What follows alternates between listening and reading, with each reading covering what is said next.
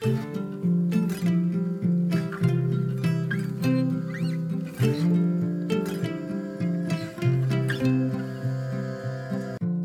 och välkommen till For Health med Anna Sparre. Idag handlar det om sköldkörteln och mitokondrierna.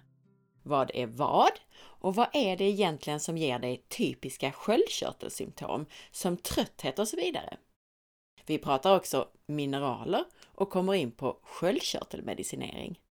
I nästa avsnitt så djupdyker vi i mineralerna i din kropp och deras koppling till sköldkörteln och energiproduktionen. Och i det tredje avsnittet på sköldkörteltema så kommer vi att prata om viktiga vitaminer för din energi och din sköldkörtel. Och vi kommer in på saker som hur sköldkörtelmedicinering påverkar din kropp på riktigt. Det här är, på er lyssnares förfrågan, den helsvenska versionen av intervjun med Morley Robbins. Gillar du det här avsnittet så lyssna även på hela intervjun i avsnitt 255. Magnesium är ett av de viktigaste mineralerna som vi pratar om i de här avsnitten. Mest fördelaktigt är det att få i sig det från mineraldroppar tillsammans med andra spårämnen. Morley Robbins pratar mer om detta i avsnitt 218. Just nu får du 20% rabatt på alla Aussie Trace Minerals produkter på naturshoppen.se. Ange koden FORHEALTH Hos Naturshoppen kan du även köpa de andra produkter som Morley rekommenderar i sitt RCP-protokoll. Om du gillar det här avsnittet så dela med dig av det på Facebook, Instagram eller till en vän och gå in och lämna en recension i iTunes eller i din podcast-app. Det här är helt avgörande för podcastens överlevnad. Stort tack på förhand! Det bästa från poddarna finns nu i skriftligt format som e-böcker på forhealth.se under fliken böcker. Tusen tack till dig som köpt och också till dig som lämnat en donation. Jag blir så tacksam och överväldigad när era namn skymtar förbi på kvittorna. Och missa inte heller att boka mig som föreläsare, till exempel till ditt företag.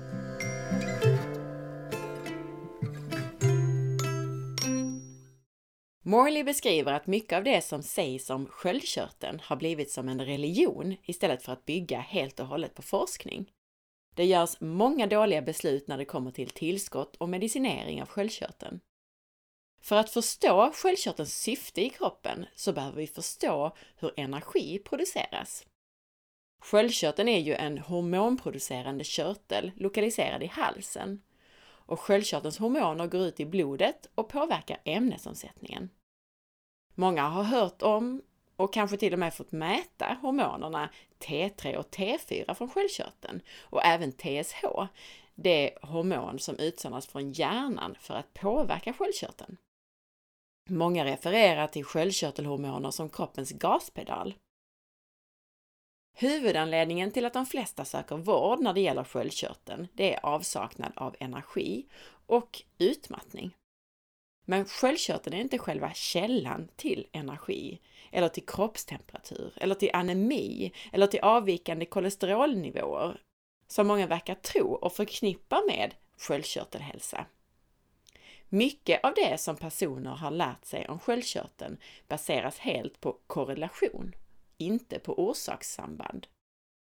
Det vill säga att till exempel trötthet, frusenhet och så vidare kan korrelera med låga sköldkörtelhormoner.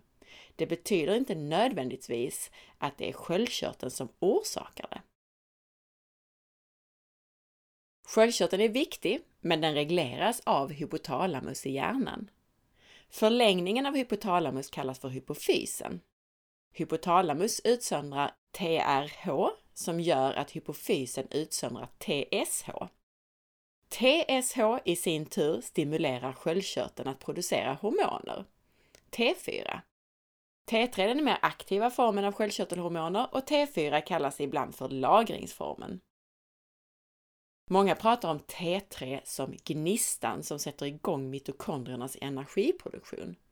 Men Morley ser det här annorlunda. Kroppens energi kommer från våra cellers mitokondrier. Energiproduktionen styrs i huvudsak av tillgänglighet på viktiga mineraler. Morley fokuserar på biotillgänglig koppar. Syre används i mitokondriernas energiproduktion och syreanvändningen i mitokondrierna är beroende av koppar. Även inaktiveringen av oxidanter, alltså av fria radikaler som bildas vid energiproduktionen i mitokondrierna, den inaktiveringen är också beroende av koppar. Och inte heller fungerar det sköldkörtelreglerande hormonet TRH, det som kommer från hjärnan alltså, utan koppar. Och brist på koppar gör att TSH då i sin tur blir oreglerat och kan stiga. Det finns studier på djur som visar att sköldkörtelhälsan försämras av brist på koppar. Morley beskriver hur sköldkörtelpatienter kan minska sin sköldkörtelmedicinering när de arbetar med att återställa kroppens status av biotillgänglig koppar, det här som kallas för ceruloplasmin. Morley säger att sköldkörtelmedicinering till och med verkar kunna påverka metabolismen av de viktiga mineralerna magnesium och koppar negativt. Och många sköldkörtelpatienter har helt okej okay sköldkörtelfunktion, men ändå problem med energi, frusenhet, vikt och så vidare. Det visar sig också att sköldkörtelhormonet T4, och det är det som de flesta medicinerar med, i till exempel då mediciner som Levaxin, att det påverkar komplex 4 och komplex 5 i mitokondriernas energiproduktion. Alltså saker som är viktiga för att dina celler ska kunna producera energi. Morley beskriver det som att sköldkörtelhormonet T4 är ett hormon som hindrar att kroppen ska överproducera cellenergi, ATP.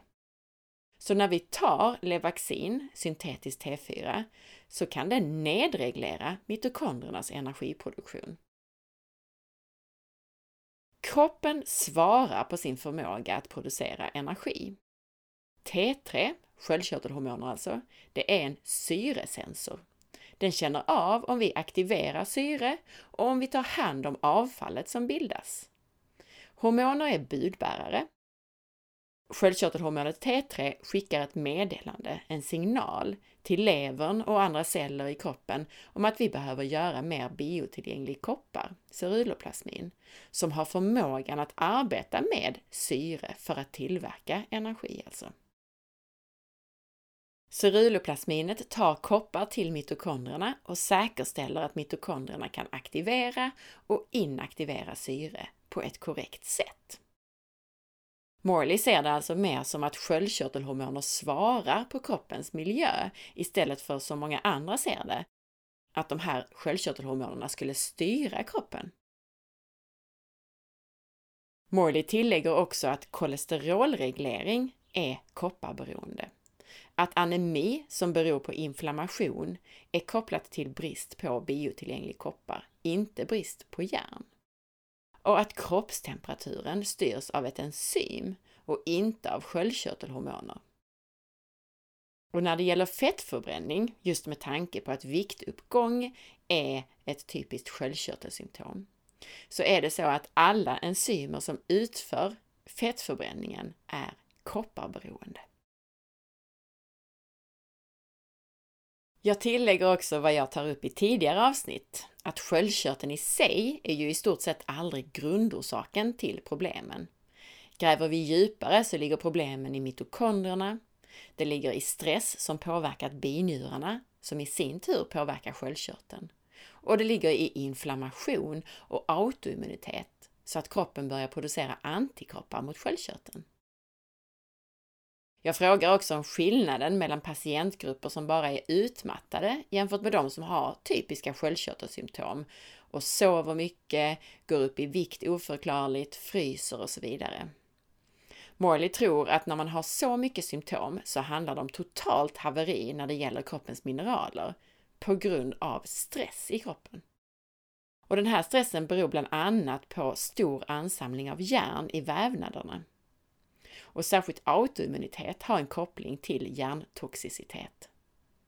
Symptombilden har också att göra med när symptomen startade och att det har funnits en kombination av stressorer som överväldigat kroppens förmåga att producera energi.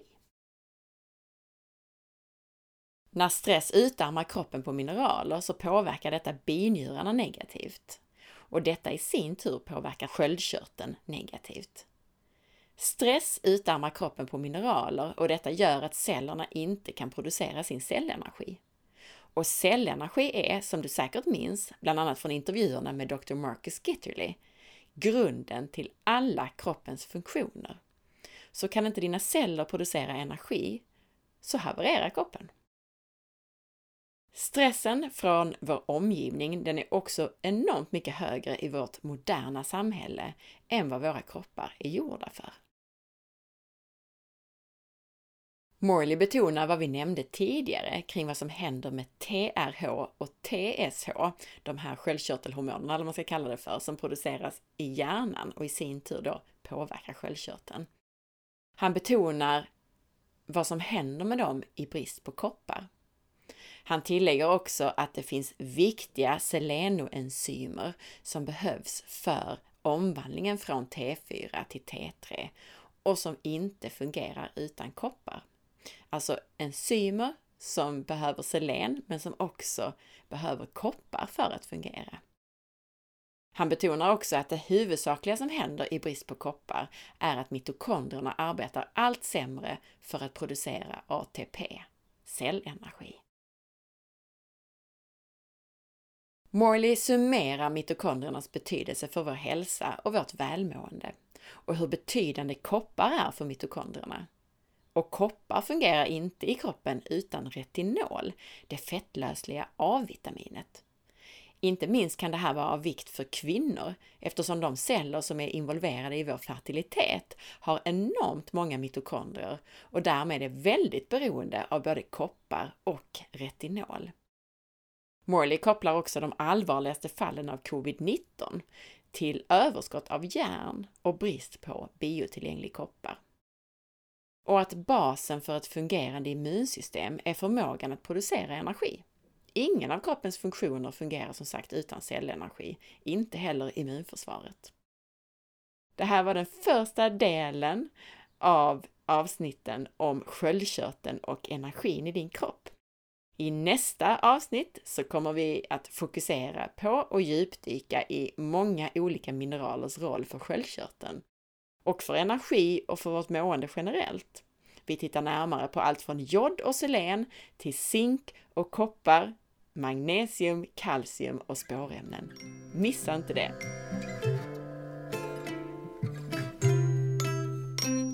Tack för att du lyssnade! Jag hoppas att du gillade det här avsnittet. Gjorde du det så dela med dig av avsnittet och sprid det så att fler får ta del av den här spännande informationen om hur kroppen fungerar. Jag blir också jätteglad om du vill lämna en recension i iTunes eller i din podcastapp eftersom det hjälper andra lyssnare att hitta hit.